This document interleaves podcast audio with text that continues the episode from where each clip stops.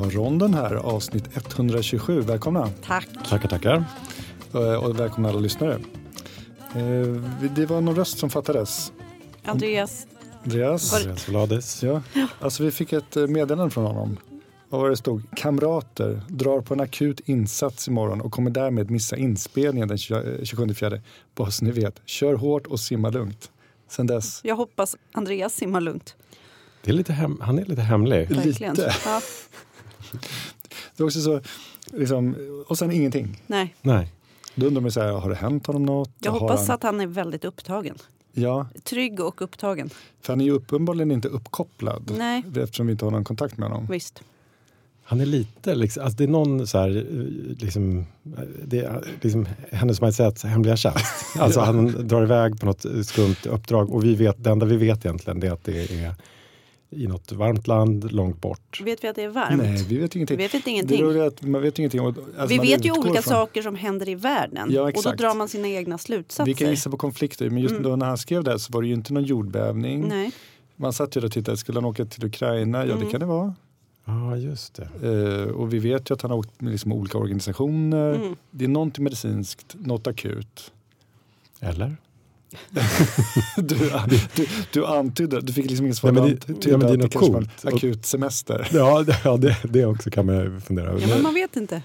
nej, men jag tänker om man liksom har några andra uppdrag, uppdrag av Ja. liksom, Ja, du menar mer i spionbranschen? Ja, Det hade ju varit enormt spännande om inte Ja. annat. Spännande för mig. och så outar vi honom Mm. här då. Förlåt Andreas. Men det intressanta slutligen är att det finns liksom inget slut på det. Vi vet Nej. inte om han kommer om en vecka eller ett halvår. Nej. Nej. Så vi hoppas på att han eh, blir uppkopplad via internet snart. Mm. Mm. Fortsättning följer. Kör hårt Andreas, var du än är i världen. Eh, Men annars så kan vi väl bara säga att eh, det snöade idag. Det var också sol idag. Det är klassiskt. Så det var ett typiskt. aprilväder. Mm, det är klassiskt.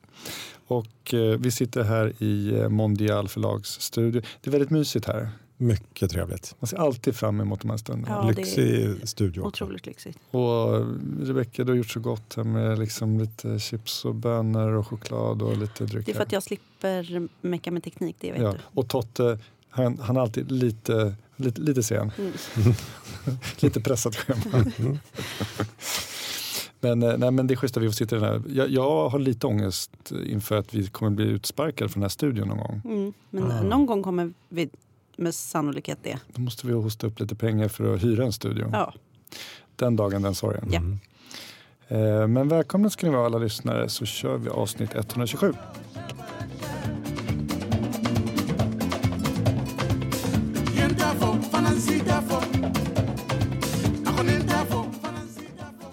Hörni, jag var i Prag för några veckor sedan och då var det Pesach, judiska påsken Mm. och samtidigt Ramadan.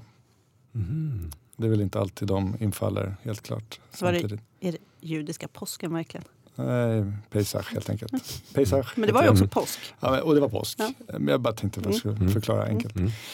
Men, eh, och Ramadan tog slut nyligen, I fredags. fredags. Och det kallas Eid. Eid. Och då är det fest. Då är det party. Mitt barn var ju väldigt eh, avundsjuk på att det var så många i hans klass som fick vara hemma och festa. Mm. Så kan det vara, Är sa jag. det, är det liksom en dag eller två dagar då? Eller hur, hur länge får man äta i kapp? Eh, ja, man äter ju kapp på kvällen men Ja. eh, eh, jag, jag vet inte. Jag vet Nej. bara att de var borta. Jag är inte... Nej. Förlåt, jag kan Mm. för Nej, det lite. nej, det Men så. de var i alla fall borta från skolan en dag. Men en fråga som dök upp i något sammanhang här, det var liksom hälsoeffekter av Ramadan. Mm. Det var ju som Just ett liksom, poddtema. Mm. Har du upp. noterat någonting? Ja, men jag, har liksom, jag har pratat med några läkarkompisar som fastade under Mm. Ramadan och frågade hur de, vad de upplevde. Och sen så har jag kollat in lite, no, några artiklar på nätet. Mm. Om, man, om man bara går till PubMed och kollar medicinska artiklar så är det ju att ja, men, eh, vissa studier säger att ja, en hel del människor liksom går ner i vikt Mm. eh, under Ramadan men den vikten håller de sällan. Mm. Utan man, Som med den mesta viktnedgången. Exakt. Eh, fett, blodfettsbilden, alltså blodfetterna kan förbättras Mm. under den tiden och socker, blodsockerkontrollen. Mm. Eh, men allt det där som sagt går ju åt pipan sen om man börjar äta Mm. sin kost. Om man sen. Men eh, Eh, nej men, jag, de, men lika, de jag pratade med de sa tvärtom att de går upp i vikt. Mm. Därför att liksom, det, Man äter man äter så Mm. mycket på kvällen och sen så är det ingen aktivitet efteråt. Eh, har ni några liksom, tankar kring Ramadan och hälsoeffekter? Men jag har träffat, jag har ju gått på kirurgakuten nu ganska många veckor, bland Mm. annat över Ramadan. Och då, alltså patienter som inte behöver läggas in men kanske har liksom något gallstensanfall eller haft någon njursten eller sånt Mm. eh, som kan gå hem. Eh, har ju varit väldigt, eller liksom, de undrar ju, behöver jag bryta fastan nu eller kan jag liksom fortsätta fasta? Och det har jag kanske inte haft något jät- jättebra svar på. Nej, men grund, grundtanken är ju under Ramadan att man det står egentligen vad jag har förstått idag i coronan att är man på resande fot, är man gravid, är man sjuk så ska man inte fasta. Nej. Nej, men då är ju frågan så här, Mm. är jag tillräckligt frisk för att kunna fortsätta fasta? Eller ska jag betrakta mig själv som sjuk och Exakt. bryta fastan? Och det där Exakt. tycker jag att jag inte vet eh, vad... Eh, Vad sa du då? ja, jag sa i princip det. Eh, Jag vet inte. jag vet inte. Mm. Eh, och eh, jag tror att det är bra att inte dehydreras till exempel om man har njursten. Nej, inte bli intorkad. Nej, Ja. nej precis. Eller njur, du njursten? Ja. ja njursten. Mm. Eh, det verkar ju rimligt att man ändå ska få i sig ordentligt med vätska. Mm. tycker Så man kan tänka sig, Mm. det, det, vore, det finns säkert studier, eh, att njurstensanfallen ökar. Mm, Därför att eh, det är mycket att man inte hinner få i sig vätska. Jag menar, Mm. mat är en sak, mm, men man hinner ju få i sig lika, mycket, lika lite liksom, vätska mm, när man fastar. Och, ehm, man tänker som Ramadan just infaller under sommar, varma mm. månaderna. Just det. Så kan ju njurstensanfallen öka. Kan man Mm. tänka sig. Man tänker också liksom en, den äldre populationen. Ja. Eh, jag menar, det måste ändå vara rätt många som går ner i vikt och alltså blir lite Ja. eh, undernutrierade Mm. under Ramadan. Mm. Och är man då lite liksom, på gränsen och lite skör Mm. Borde man väl se i någon statistik. Liksom. Mm, mm, mm. Ja, nej, men, och det här får ni gärna höra av er om ni har mer kunskap, Mm. Londonlyssnarna. Mm. Men det, det var det du som sa, Totte, att det finns ju en fördel där om man fastar och kommer in eh, och Ja. just har ett gallstensanfall och behöver opereras. Ja. Mm. Då är Så man redan man-. Mm. Redan Eller bara fast, fastar. fasta Mm. inför ett ultraljud. Det är jättebra om de redan har löst det. Mm. Ja. Det känns som att det finns, det finns vissa kirurgiska fördelar här Absolut. kring fastan. Absolut. Mm. Tankar kring Mm. Ramadan. Kan ni förstå alla mina val? Jag går min väg, följer ingens fotspår. Jag går min väg, följer ingens fotspår. Jag har en fäbless för mystiska saker inom sjukvården eller inom medicinen. Mm, på vilket sätt? Typ Ja, men- löneutvecklingen. Eller? Det är inte väl mystiskt. Det finns ingen, mystik. alltså, absolut noll. Okej. Eh, jag måste nästan ta om hela. Men, men, nej, men jag tycker om, jag tycker om så här, oklar njursvikt Mm. som kommer in till akuten. Mm. Eller oklar leversvikt. Mm. Eh, eh, gåtor, svåra. Jag borde kanske bli ett neurolog egentligen. Mm. För det känns som där har vi de riktiga utmaningarna. Gillar du liksom själva utmaningen i sig? ja, jag går igång på det. Mm. Och eh, en liksom, sjukdomsgrupp Mm. som jag tycker väldigt mycket om. Mm. Det är herpesvirus. Mhm. familjen Ja. herpesvirus. För den innehåller så mycket liksom, eh, mystiska, spännande Att det är tillstånd. konstiga symptom Drama. och sådär. Mm, Mm. Drama och, och konstiga symptom och Mm. sådär. Och eh, senaste veckan har jag liksom eh, personligen ja, men, koppling till tre av de här herpesvirusen som Mm. jag tänkte berätta om. Spännande. Mm. Ser fram emot. Så En att, e egna kopplingar? ja, Eller? ja, och nära Mm, anhöriga. mm. Ja. Och, och man, liksom, herpesvirus det känner ju de flesta till. Mm. Och om man tar liksom exposén, den, den, stora exposén är ju att det är, det, är liksom en familjvirus och eh, man liksom br- brukar dela upp dem i alfa, gamma, beta virus. Det känner, tror jag inte ni ens till, men, men, men det ni känner till är att en grupp är de här herp, herpes simplexvirus, Mm. H- herpes 1-2. Mm. Eh, där tvåan är det här genitala, Mm, alltså Du kan väl bara kalla det mun och kön? mun och könsvirus. Mm. Och sen herpes zoster, bältros och vattkoppor. Det, Mm. det är liksom en grupp. Sen har ni gamma som är EBV, då börjar vi prata lite mer spännande, lite Mm. mystiska Just grejer. det. Mononukleos. Mm. Eh, mm. Vad heter det? Kissing disease. Mm. Vad heter det på svenska? Nej, men det finns inget sånt. Okej. Mono. Och Mm. sen har vi en, en beta, det vill säga CMV-virus. Då är vi nere på riktiga mystiska presentationer. Mm. Och man kan prata lite om de här olika virustyperna eh, utifrån lite olika fall där jag är det första fallet. Då. Mm. Mm. Eh, och, men också att det är så väldigt kopplat till immunförsvaret. Ja. Så som väldigt mycket i medicinen är och där kunskapen blir bättre och bättre. Mm. Men, men lider man av herpesvirus så Mm. som jag gör Mm. och som många Köns, människor. könsversionen. Nej, mun, munversionen. Okej. Så är det, det är liksom supertydligt hur psyke och soma samverkar. Mm. Ehm, Ah, och, Just och, det. och jag, menar, så här, jag fick munherpes Mm. när jag var i tonåren. Mm. Kommer inte ihåg hur det man fick. Mm. Helt plötsligt var det där. Helt plötsligt var det du det. var ung, behövde pengar. Och sen, och sen så eh, har, har, har jag haft i perioder i mitt liv någon gång, några gånger per år. Mm. Det kunde gå några år Mm. då jag inte haft det och sen så plötsligt så är det mer. Mm. Och det är så supertydligt kopplat till mental stress i mitt fall. Mm. Eh, Det, det mest klassiska är om jag har varit i eh, liksom fjällen. Mm. Det vill säga sovit lite, druckit en del alkohol Mhm. eh, och så kommer solen, Mm. solexpositionen. Okej. Då blir det pang bom, Mm. herpes. Och, eh, men det där har jag liksom alltid kunnat tackla antingen genom att det bara får bli blåsor på munnen eller näsan här och så läker det ut. Mm. Eller att man tar lite, förut var det salva men nu kan man ta tabletter, Mm. här acyklovir, Just eller det. Severax. Så det finns olika sådana antivirala tabletter. Just det. Och eh, det som är grejen med det där är ju att det är så viktigt att ta i tid. Mm. Det vill säga det här viruset, man har drabbats av det någon gång. Och så är det med alla de här virusen, herpesfamiljen, att man drabbas av det en första gång och så får man någon slags sjukdomstillstånd. Mm. Det herpes. Det kan ju bli liksom, eh, alltså i fallet, ja det bästa fallet är ju då vattkoppor till Mm. exempel. Som 99 procent av svenskarna har haft som Riktigt små. jobbigt också. Mm. Små ja, och, och då är det liksom luftvägsburet. Mm. Annars är det mer eh, droppsmitta. Mm. Ehm, och, eh, ja, men och då får man eh, feber och luftvägssymptom och sen utslag som alla Mm. känner till, vattkoppor. Men sen så gömmer sig de här virusen i nerverna. Just det. Det är ju det som är så himla spännande. Det är det som är så spännande att de finns där som Ligger och Mm. väntar för ett tillfälle. på bättre aktivitet. tider. Ja. eller sämre tider då Mm. om man ser det till att man är trött eller Precis. Bättre tider för... immunförsvaret, bättre själva tid för viruset. Mm. Och sen så smyger det sig fram. Jag tror till och med herpes betyder någonting på latin. Eh, vandra framåt, smyga framåt någonting. Mm. Mm. Ehm, och i fallet då när jag, min munherpes, Mm. ja, då när jag är trött och Mm. någonting så kommer det smygande fram och så blir det blåsor. Mm. Mm. Men då gäller det att man tar de här tabletterna precis Direkt. Liksom. direkt när man När börjar börjar känna, det börjar känna. Mm. kittla. Och då, liksom, då är det på timman man Mm. vill börja ta den där tabletten. Mm. För att det inte ska blåsa ut. Just det.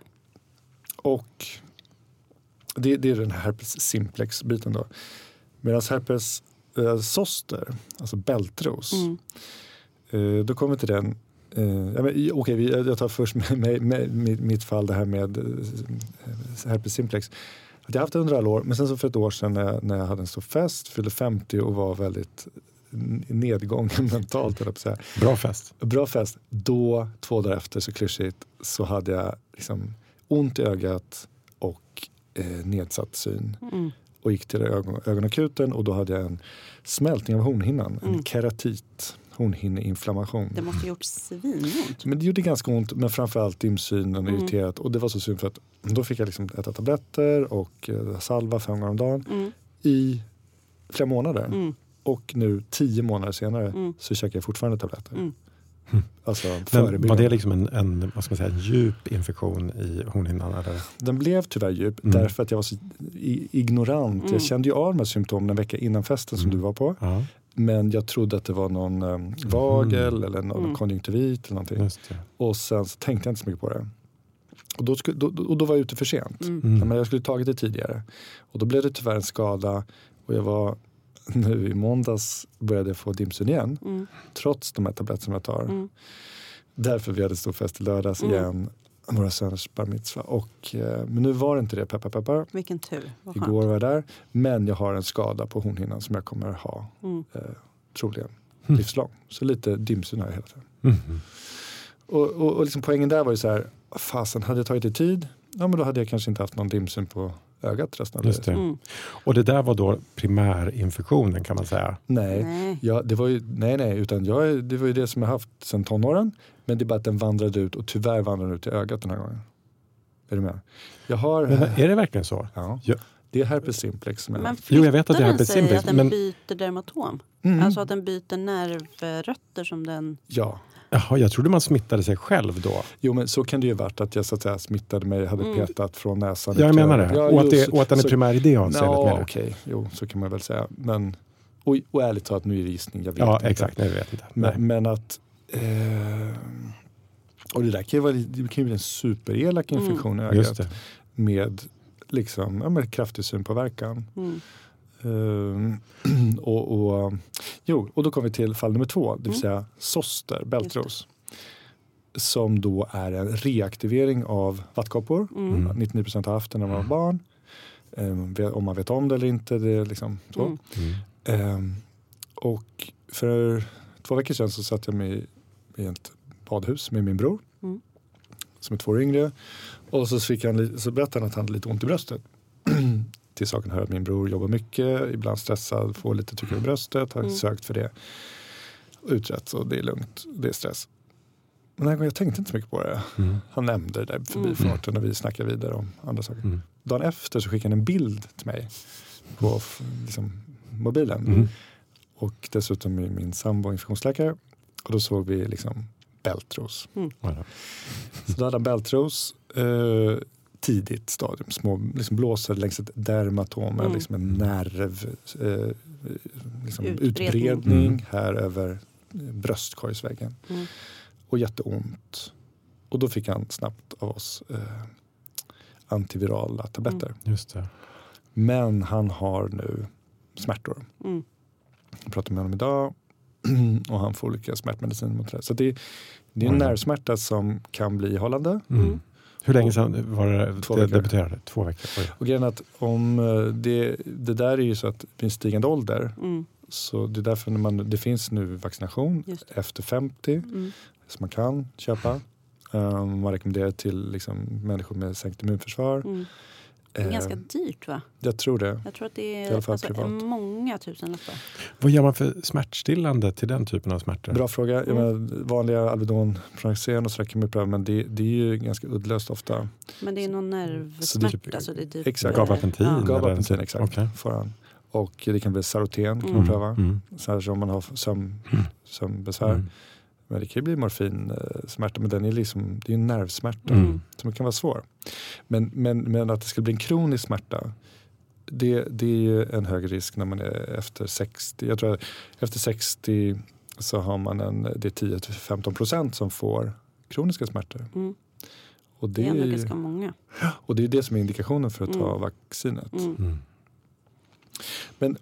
Analogt eh, med herpes simplex Mm. att det är så viktigt att ta det tidigt. Mm. Ju tidigare Mm. desto bättre. Mm. Alltså antivirala Ja. tabletter. Just det. Men också, det där är ju en sån luring för jag menar ni har väl säkert träffat patienter med bältros eh, eller som inte vet att, Mm. att de har Mm. det. De har sökt för någon smärta, Ja, antagligen. buk, thorax. Har man Mm. missat liksom. något? Det är inte omöjligt. Så Just det är det. lurigt. Okej. Det är de grupperna. Och, ehm, och sen har vi liksom de här EBV, mononukleos, kissing disease eh, som också kan vara liksom, eh, med halsfluss och Mm. feber och körtlar. Som, men som också kan komma med liksom buksmärtor i första hand. Just det. Och att det inte är så mycket då Mm. halsflusssymptom. Mm. Det vill säga de liknar något annat Mm.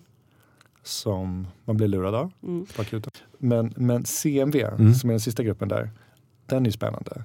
Cytomegalovirus. Cytomegalovirus. Som också, det drabbar ju kanske då mest, alltså människor, många har, kan ha haft det men man vet inte om det. Mm.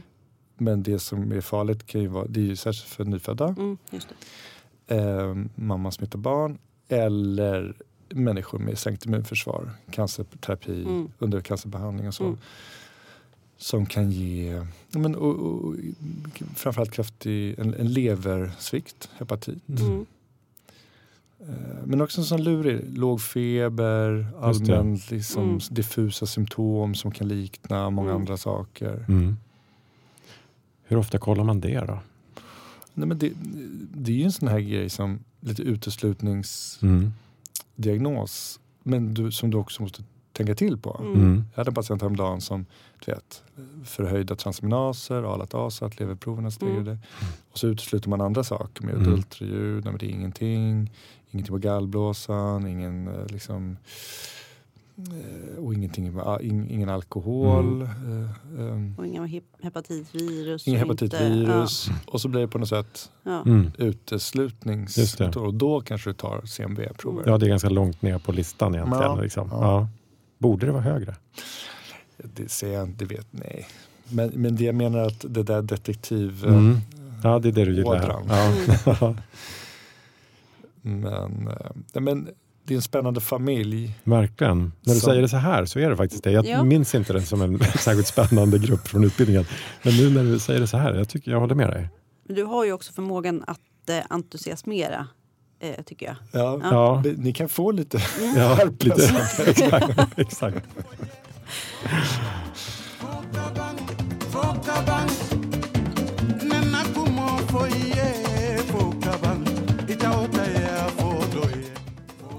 Eh, ja, men nu är, imorgon är min sista dag på, kirurg, på kirurgblocket. Eller ja, jag har ortopeden kvar, men det är min sista dag på kirurgen imorgon. Är, det- är det liksom skål eller är det sorg? Eh, jag har lite separationsångest och det har jag alltid tycker jag när jag byter. För det här är ju det sämsta med AT, det är att så fort man känner att man liksom börjar få någon slags aning om vad man gör på det stället man är på, då är det ju dags att byta. Eh, och det är ju jättetråkigt. Mm. Det är lite som ramadan och fastande. Jag pratade med en, en läkarkompis idag. Mm. Hon sa att det är som så jobbigt att fasta de här första tiden Mm. men det är alltid mot slutet av fastan Mm. då hon börjar komma in i det Mm. och faktiskt börjar njuta och liksom Mm. kroppen adapteras och hon mår bättre på något Mm. sätt in, än innan Och sen är det dags att sluta. Ja. Ja. Mm. Nej men exakt så är det för mig. Mm. Ja. Men det, det är ju speciellt med AT eftersom man hoppar runt Mm, så mycket. verkligen. Och så är man liksom återigen då sämst Ja. av alla verkligen. på måndag när man börjar. Och sen är det den här klassiken att jag kommer ju inte ihåg eh, hur dålig jag var för sex veckor sedan när jag började på kirurgakuten. Så jag tror ju att jag inte har lärt mig någonting. Eh, och det antar jag att jag har. Eh, Mm. Men eh, det har jag absolut ingen känsla för. Utan jag känner mig ju fortfarande alltså, sämst, bara lite, lite mindre sämst. Mm. Men, men liksom en, en, en då kanske o, eller, ja, men icke-medicinare undrar men vad ska, vad ska man med det där till? Jag menar, du Rebecka, rondenlyssnarna har ju förstått att du är intresserad av psykiatri, Mm.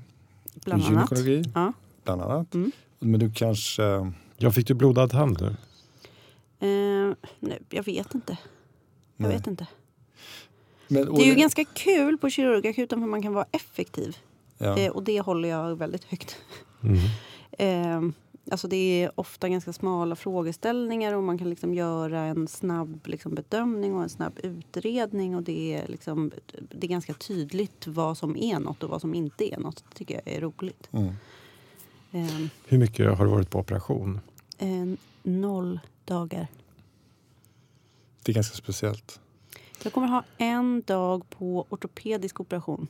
Det, jag vill, har ju haft en vecka på narkosen också. Där man går med narkosläkare Ja. och på operation. Men jag har ju inte varit på kirurgsidan. Jag har Nej, ju inte För det är tvättat mig lite gång. svårt, svårt att få liksom en riktigt bra känsla för liksom kirurgjobbet Mm, om man bara är på liksom akuten. absolut. Ja, jag, vet, jag, jag vet ju inte... Jag har ju inte fått någon känsla av hur det är att stå och operera en hel dag Nej. till exempel. Eller jag menar inte mer än vad jag har fått när Som jag har kandidat, gått liksom. liksom, utbildningen. Mm. Ja.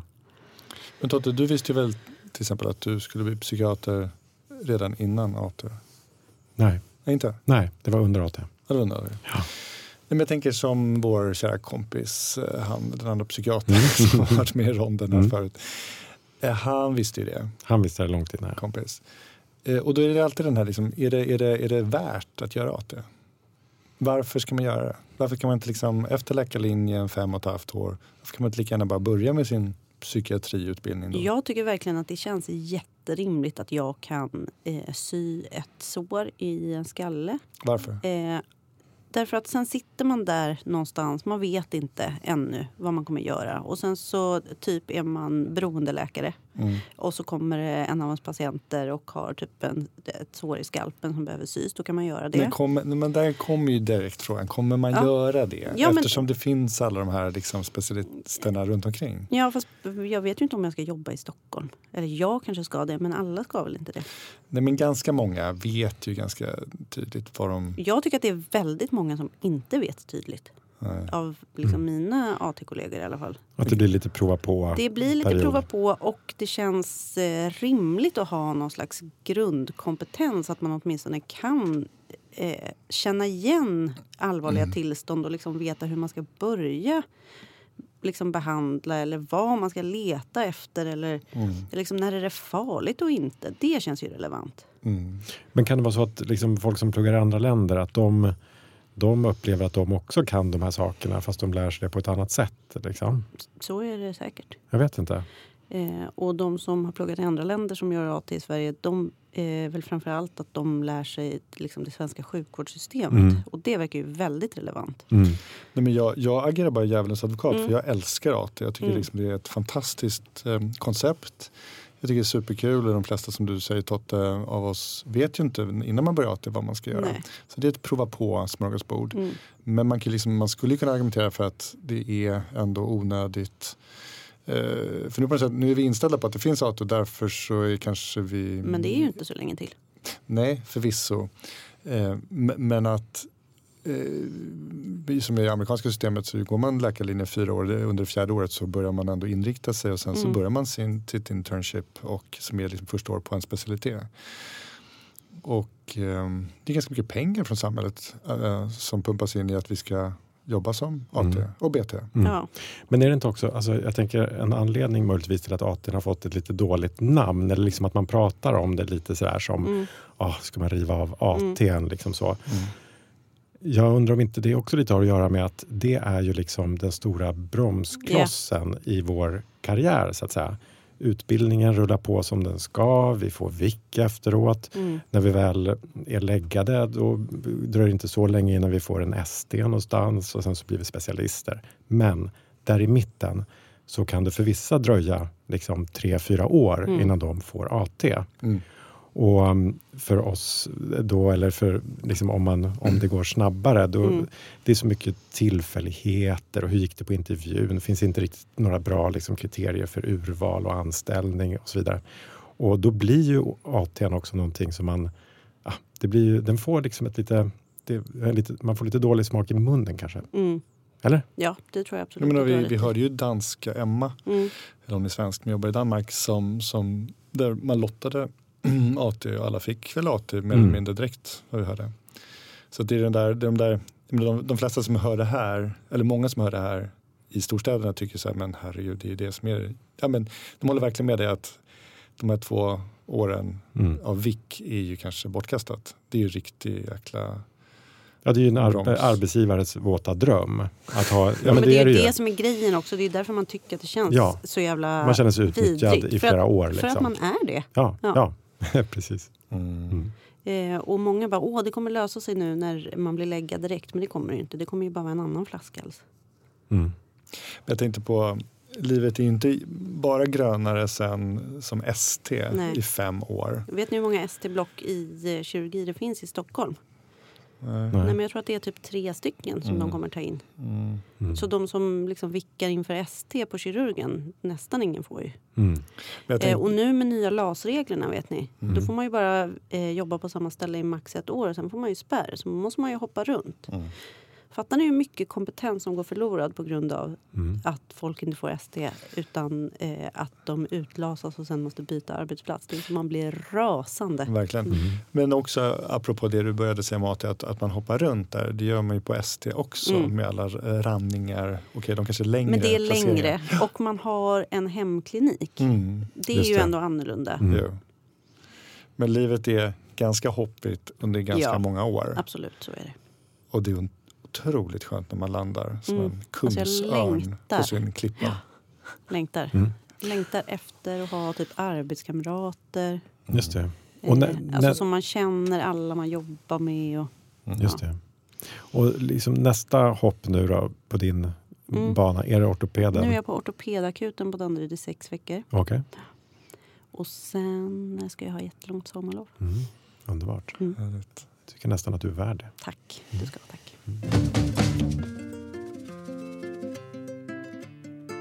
Mamma, lita på mig. Pappa, lita på mig. Rebecka, du som har varit på kirurgen just. Ja. Jag måste få fråga en uppdaterad sak. Mm. När jag gjorde, när, jag- när jag gjorde AT Ja. Och framförallt när jag var läkarstudent. Då var det på något sätt att så fort man hade en patient på kirurgakuten som hade buksmärta, Mm. kanske lägre buksmärta ner mot nedre delen av, av, av buken, Ja. så var man tvungen att göra perektum. Alltså Ja. stoppa in ett finger in i eh, Ändtarmsöppningen. och känna på prostatan. Mm. På män då, Mm. underförstått. Är, är det så fortfarande att man måste, och, och det kändes alltid som att man var tvungen att göra det inte så mycket för att man letade efter något utan för att man skulle ha gjort det och kunna skriva journal om man hade gjort det så att man inte fick skit för att man inte hade gjort det. Mm. Visste du liksom vad du letade efter? Inte, jag, jag visste ju hur en prostata skulle kännas som man hade liksom, ja, känt på någon docka någon gång och eh, känt på patienten. Men man hade liksom ingen referens för vad som var patologiskt egentligen. Nej, men man skulle också känna runt Mm. hela liksom, Mm, eh, mm. ojämnheter och Mm, tumörer. Och, mm. ja, men men jag, jag håller ju också med dig att man, det var inte riktigt klart vad det var man Nej. fiskade efter. I, i, Absolut. Eh, vi har väl blivit tillsagda att det är omodernt att göra perektum på alla. Det är så? Ja. Eh, vi ska bara göra det om, om vi har något att hämta så att säga. Men hur, hur vet Blod i avföringen till exempel. Finns det, ja, men ska man titta efter hemorrojder så kanske man också känner. Eh, är det någon som har ja, men, andra symptom? Som Men så, liksom inte, så det är inte så att liksom alla män eh, gör man en perektum på? Nej, på jag, jag har inte fått det till mig Nej. att jag ska göra perektum på alla män. Nej. Nej, det känns ju bra Mm. att man liksom Mm. utvecklat det här. absolut. Jag håller med. Men då måste en följdfråga där är, pröv, gjorde ni perektum på varandra på läkarlinjen? Testade? Eh, nej. Nej, Nej, Nej. Gjorde ni det, Christian? du skämtar. nej, nej, det gjorde, nej, det gjorde vi inte. För jag och eh, Totte vi har ju ändå gått på läkarlinjen i modern tid. Ja, nej, men jag och Andreas, det är 1800-tal. Men, men grejen är att, nej, Andreas är 1700-tal. Mm. Men, men Ni kan inte ha gjort det här. nej, vi gjorde inte det på Nej, varandra. rimligt. Vad jag minns. Var jag med? Tror du inte att du hade minst det? Men min följdfråga var den här egentligen. Vad gjorde ni på varandra under läkarlinjen? Alltså, jag antar att ni lyssnade lite på lungor och sådär. Mm. Mycket ortopedstatus, alltså liksom eh, känna på leder och göra olika såna funktionella tester av olika leder. Mm. Ehm, Men så gjorde man alla de här fysiolo- fysiologi-testerna, liksom, liksom, Vadå? syreupptagningsförmåga och allt sånt där. det. Och, Men nu tänkte jag mest på vad, vad ni gjorde på varandra. Jo, ja, men det gjorde man ju på varandra. det. På gjorde-. Ja, exakt. Vi gjorde också så här hörselundersökningar. Ja, på syn- varandra. På varandra, Ja. Precis. Min jobbigaste, det var, ja, min jobbigaste var när eh, man skulle öva på att lägga en bakre tamponad. Alltså man ska packa näsan full med material för att stoppa en näsblödning. Mhm. Då fick jag panik när de började stoppa in. Vet ni hur liten näsan är på utsidan, alltså näsborrarna, och hur stort det är inuti? Det. Nej men alltså jag får svindel. Men vänta nu, menar du verkligen en bakre tamponad? För en bakre tamponad, då ska man väl ändå liksom dra in någonting, blåsa upp en liten boll och dra fram den så att liksom man tamponerar längst bak. Pratar du inte om en främre blödning?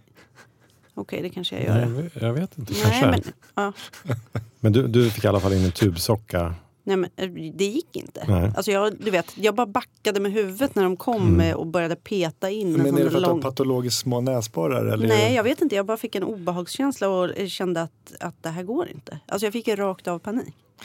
Men alltså- gjorde ni någonting? Nej, men alltså, jag, jag måste säga så här, vi, jag tyckte vi gjorde det här alldeles för mycket. Jag, var- jag var rätt mycket emot det här att vi skulle liksom undersöka varann och kolla varandras liksom, olika saker. Vi, jag minns bland annat vi tog, vi- dels så tog vi ju vanliga liksom blodprover på varann. Mhm. Och sen så skickades det till labb och sen så sattes liksom blodprovsvaren upp på en anslagstavla utanför kursexpeditionen. Och så fick man gå och hämta sitt blodprovsvar där.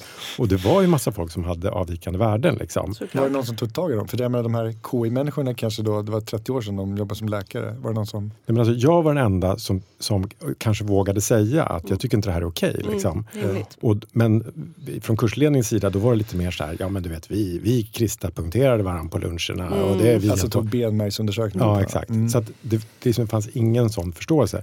Och jag vi, vi hittade ju en, en kursare som var döv på ena örat som han inte visste om sen tidigare. Eller nästan döv i alla fall. Otroligt nedsatt, hörs, otroligt nedsatt hörsel. Som, Och han, som han inte visste om. Han Nej, hade men han, han, han hade en känsla för att han hörde sämre. Men, vi, men vi all, det här blev ju en st- skrattfest liksom i klassen. Och när, när det, När det visade sig att han var rakt ut Ja, för då började vi så skoja och, och, och viska när han stod med vänd åt andra hållet. Ja, men du vet, så att det, är, det är som upplagt tycker jag också. Och jag tycker så här, bara för att man har valt att studera en utbildning. Ja. Nej, alltså det är för grovt ibland. Ja, men alltså man tänker sig så här. Här tänker man så här, om det är ett gäng studenter, det är klart Mm. att de kan vara öppna med varann. Men man skulle aldrig kräva det av kollegor. Nej. Och vi är ändå vuxna människor. Ja, men jag kommer Man ihåg när vi liksom så man skulle ofta. palpera bröst. Just det. Men gjorde ni det på varandra? ja, det gjorde Ja, det, det, gjorde, det gjorde vi det gjorde man inte på min tid. Nej, men det kommer, ja, det kommer det Absolut var inte. väl, alltså, då var mina händer väldigt kallsvettiga. Ja. Ja, det gjorde vi också. Och liksom, man Absolut skulle inte. låtsas som att det var helt naturligt. Det att är inte det. Det är man- inte man helt kanske- för då- naturligt Det kanske var på termin då framåt tre, fyra. Man Det har liksom- lång tid kvar som Ja, kurskamrater. men man har också lärt känna varandra ganska bra. Och så satt man där och sen så började tjejerna ta av sig. Liksom, Mm. helt, Nej. Ska ta med, så tog de av sig och så skulle det liksom vara lite naturligt. Men det var ju högst onaturligt. Om man, du vet, så, så här kladdiga blöta Nej, men händer som man ska palpera de här brösten med. Jag kom på en jobbig och det var när jag läste till BMA. Och då, då skulle vi ta med oss varsitt urinprov. Eh, Det här var liksom när vi läste någon ja, det måste varit liksom kursen i klinisk kemi. Eh, och då skulle man liksom centrifugera, man, hade, alla hade sitt eget urinrör som centrifugerades och så skulle man titta på liksom sediment, alltså liksom utfällningar. Och då gick hon som var liksom lärare för kursen runt och typ så bedömde allas urinsediment medan vi skulle stå och hålla upp de här provrören. Man har liksom precis varit och kissat Och på ett lite obekvämt sätt i någon liksom Och toalett i skiktat korridoren. liksom i precis. två stora Så lager. mycket sediment. Såg ut som en hotshot. Ja. Galliano. Mm. Men eh, och så kommer jag ihåg när på kirurgtermin då, liksom, då, var, då var det så här, skulle man sy på varandra. Nej, men Mm. på varandra. Ja, då fick man, var det någon som hade ett litet födelsemärke. Liksom, om, om det var Och okej. då passade man på att ta det. Och då här, här kan ni se. Nej. Här, ser ni det där ärret? Mm, där ja. ja. Det där ärret jag har där, det, är liksom, det var ett minimalt millimeterstort födelsemärke som jag liksom erbjöd till en ganska darrig kompis då, som slet, slet upp ett liksom snitt på fyra centimeter. Det där gjorde vi på patienter. De fick ju komma på någon särskild prickmottagning så vi skulle få plocka bort saker som folk ville få bort. Ja, nej, Det var jättebra. Win-win. Ja, vi, vi gjorde också lite på varandra. Och, och jag var faktiskt en... jag, jag råkade alltså, eh, ge ett stort R på, en, på ryggen på en kollega. Och, mm, ja. Tack och förlåt. ja, tack och förlåt. Verkligen. See one, do one, Kanske håsan. Håsan.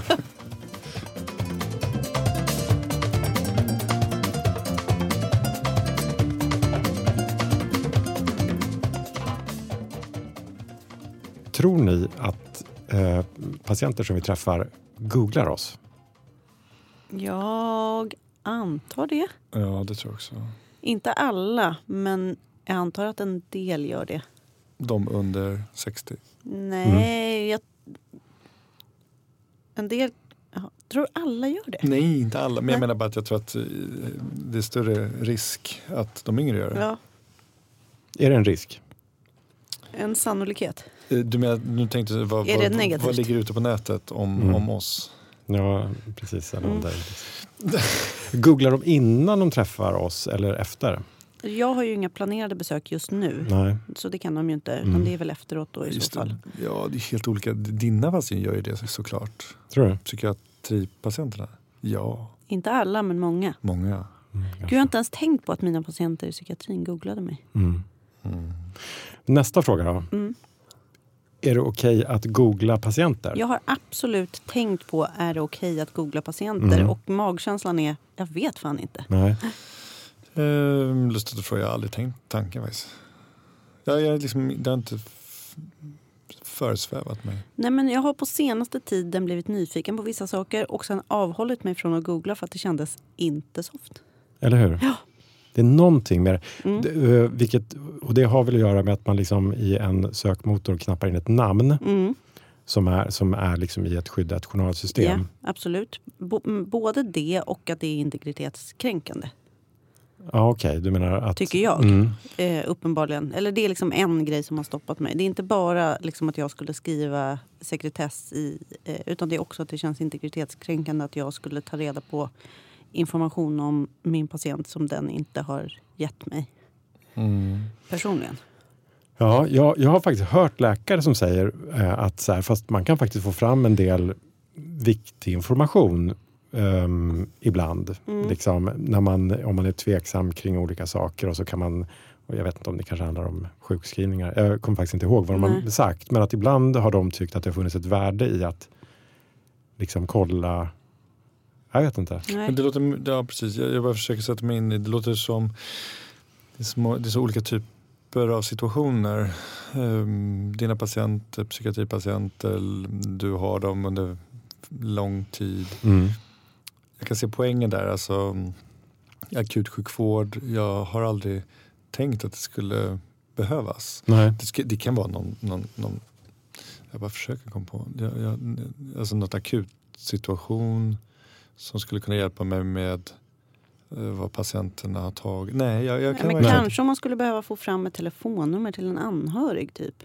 Just det. Ja, det är väl det jag skulle kunna tänka mig, en akut situation. Just det. Att Att, jag det är lite skulle- nödläge Ja. och så nu måste jag... Mm. Men om du fiskar efter liksom, huruvida man skulle kunna vara nyfiken på människan, Mm. patienten Mm. och googla så, det har jag aldrig tänkt på. Nej. Nej, men jag har absolut varit nyfiken och absolut eh, liksom inte gjort det för att det kändes, Mm. ja, det kändes inte bra. Mm. Men, men, men Rebecka, om jag menar bara att du har haft en patient på Mm. säg akuten, Mm. Eh, behandlad, klar, Mm. gått hem eller Mm. whatever. Fick viss information. Du kommer ihåg namnet på kvällen för det var ett speciellt namn. Du går hem och googlar på din egen dator. Nej, men jag gör ju inte det. Jag menar Mm. det, men potentiellt. Potentiellt vad, vad, eller- är, vad är det som hindrar med det? Nej men alltså att det känns, eh, ja, just det att jag tycker att det känns integritetskränkande. Ja. Att jag skulle ta reda på massa information om en patient Mm. som jag har träffat liksom, i ett specifikt ärende. Bara för att stilla min egen Ja, nyfikenhet. men jag håller med. Jag tror, Ja, just det. Precis. Jag har i och för sig också träffat patienter som vill att man ska titta på någonting som de har gjort. Mm. Alltså, Mhm. på, alltså om de är, har någon, något konstnärligt intresse Ja, eller någonting. Men det är en helt annan sak. Jo, men exakt. Men jag menar att då, ja, det, det är inga skarpa gränser Nej. i alla fall. Nej, absolut. Händer ibland att ni känner att så här, fan den här, undrar hur det gick för den här patienten? Tänker ni så oh, ibland? ja. Mm. Oh, ja. ja, men det är ju väldigt vanligt. Mm. Men då menar du medicinskt. Ja, ja. Alltså hur, hur, hur mår patienten Mm. idag? Jag har flera Ja. som jag undrar om de Mm. lever. Okej. Som jag är orolig för. Mm. Som jag har träffat för länge sedan. Eller liksom för Mm. mig då som är ny. eh, I min korta karriär så var det ganska procentuellt ganska lång tid sedan. Mm. Men det där är ju en intressant fråga. För, att, för där tycker jag att det är så viktigt att man får och eh, kan kolla upp vissa saker, patienter. Alltså, mm, för att ge sig själv feedback. Hade jag rätt? Eh, Behandlade jag rätt? Eh, gjorde jag rätt? Just det, och då går du in i journalsystemet Ja, inom en viss eh, liksom, tid Ja, efter det- att du och- har behandlat ja, och patienten. den där tiden kan ju vara den är flytande. För det beror på vilket tillstånd vi pratar om. Jag menar eh, en akut eh, lunginflammation, då är det lite en kortare period. Mm. Men en cancer, då kanske någon mer utdragen historia som Mm. man vill kunna kolla upp. Jag vet inte liksom egentligen vad regelverket Nej. säger. Du Mm. måste ha varit behandlande läkare för att kunna kolla upp. Och egentligen får du väl inte titta om du inte är inblandad i det nuvarande Precis. eh, tillfället. Men Alltså, mm. Jag tror i mitt fall, de som jag tänker på nu, då... Dels jobbar jag inte kvar på samma klinik. Eh, och jag har ju absolut ingenting med de här personernas vård att göra. Eh, och det är ju egentligen bara för att jag känner någon slags diffus oro. Mm. Eh, och att jag känner att det här är liksom patienter som jag har brytt mig mycket om. Så det också skulle ju vara för att stilla min egen nyfikenhet. Och det är ju otänkbart att jag skulle in och liksom rota i deras journaler för det. Mm. Är exakt, Ja. exakt. Jag får- Lustigt att du säger Lustigt att du tar upp den här. För att igår så var jag på SÖS. Varför då? Ögon- Ögonakuten själv. Jaha, okej. Kollade Mm. upp mitt öga. Då träffade jag en gammal patient. Och jag kan prata om henne därför att hon har liksom ställt upp som eh, patient eh, efter en blodförgiftning. Eh, och eh, liksom fick, fick men efter den här blodförgiftningen. Och hon har varit med när, vi, när jag har pratat och undervisat och Mm. föreläst om, om, om blodförgiftning. Och då Mm. har hon varit som, som, som ja, en patient Ja. och, och berättat om sina erfarenheter. Och hon mejlade mig och, och lite så då och då och gjorde det också efter mötet igår. Här är så fint för att där kan jag ju prata om henne för att Mm. det har varit öppet. Liksom. Eh, och jag är väldigt glad att jag får, nu, nu var det en slump att vi träffades igår Mm. i liksom, entréhallen på SÖS. Mm. Men att eh, det har varit så fint att se mm, liksom, eh, henne och, och få, få ha kontakt Mm. med en patient eh, på, på, under, under längre tid. För det, för det är lite det jag tänker på. så här. Vad är det som gör att liksom vissa patienter eh, liksom griper tag i en på något Mm. sätt? Vad är det som gör att man kommer ihåg vissa patienter Mm. bättre än andra? Vad säger du Rebecka? Alltså vissa människor klickar man ju bara med Mm. på ett sätt eh, som man inte gör med alla. Eh, och det, det är svårt att sätta fingret på tycker jag.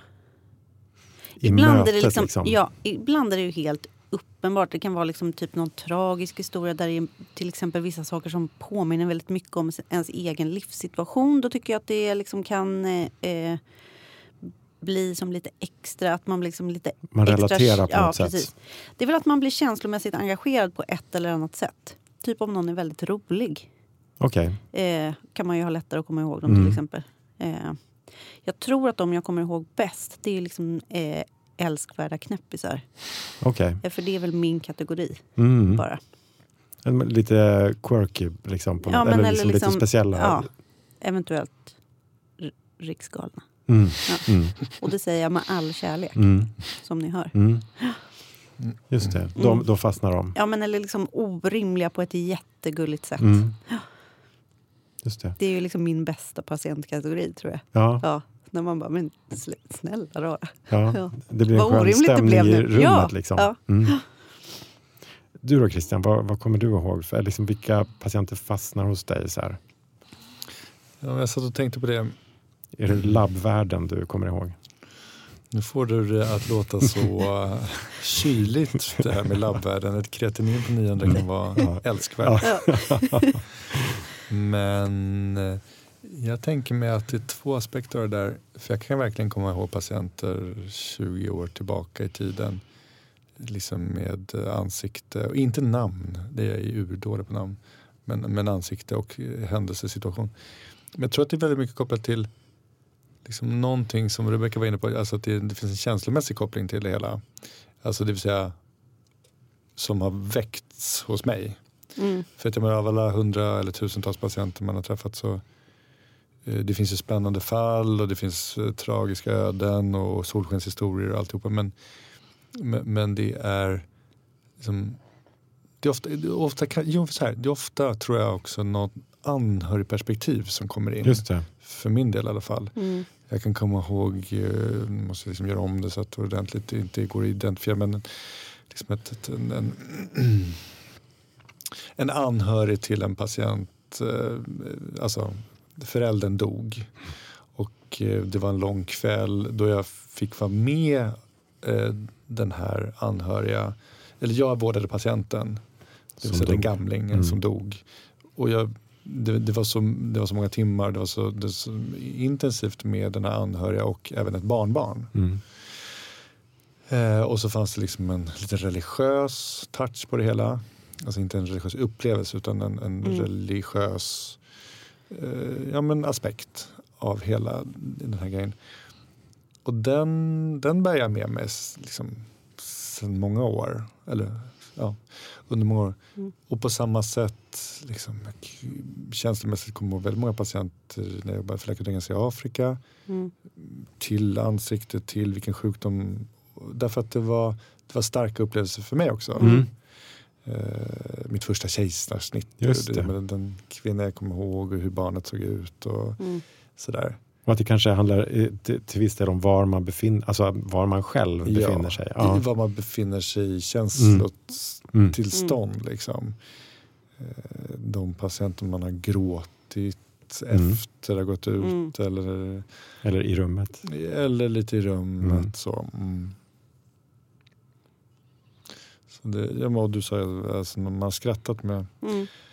Ehm, absolut. Jag, jag tänker nog mer på sorg. Mm. Mm. Ja, jag bara, Vad tänker du? Ja, vad nej, tänker men du? jag tänkte, tänkte, det är så många patienter som jag kommer ihåg och jag kommer ihåg namn, ibland till och med personnummer. Så det är verkligen rubbat. Men det, det är så många patienter som man har träffat. Alltså när man jobbar, liksom, eh, och det jag vet, det är väl, väldigt olika jobb vi har ju. Mm. Liksom. Jag sitter på mitt rum och så kommer patienterna in en efter en och det är sex patienter per dag. Men det blir nästan som att man sitter liksom och kollar på eh, liksom, Netflix där det är liksom sex intressanta avsnitt per dag på Mm. något sätt. Man, Mm. man liksom kommer in i liksom en, en, en berättelse eh, liksom i varje patientbesök. Mm. Liksom, så, Mm, mm, så. Och så på återbesöket nästa gång, just det, det var den här serien. Mm. Förstår ni vad jag menar? Att det, det är något sådär. Och då blir man ju väldigt engagerad. Liksom.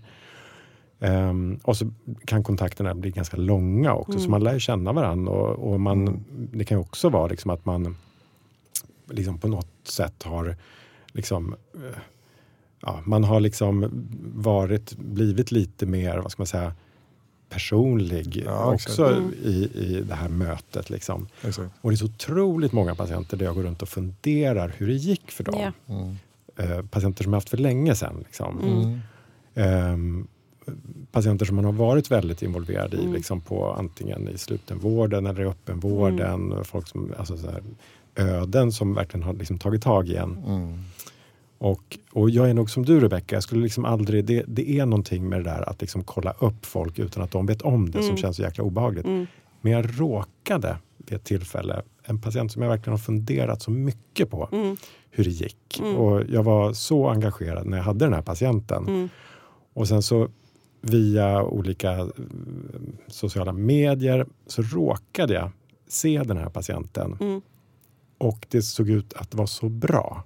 Fy fan vad rörd man blir. Alltså jag blev så otroligt glad. Ja. Jag, jag lever på det. Det här var Mm. kanske två år sedan som Mm. jag såg den här Mm. bilden och jag är fortfarande så här glad. Mm. Jag tänker på att patienten, det gick bra liksom. Mm. Det fanns en detalj där som jag inte tror stämmer. Du sa att du satt. Brukar inte du ligga i ditt rum med en lavalampa? Ja, just det. Exakt. Precis. Exakt. I min Det är bara den syrgaskammare. lilla detaljen. Ja, den lilla detaljen. Som du missade.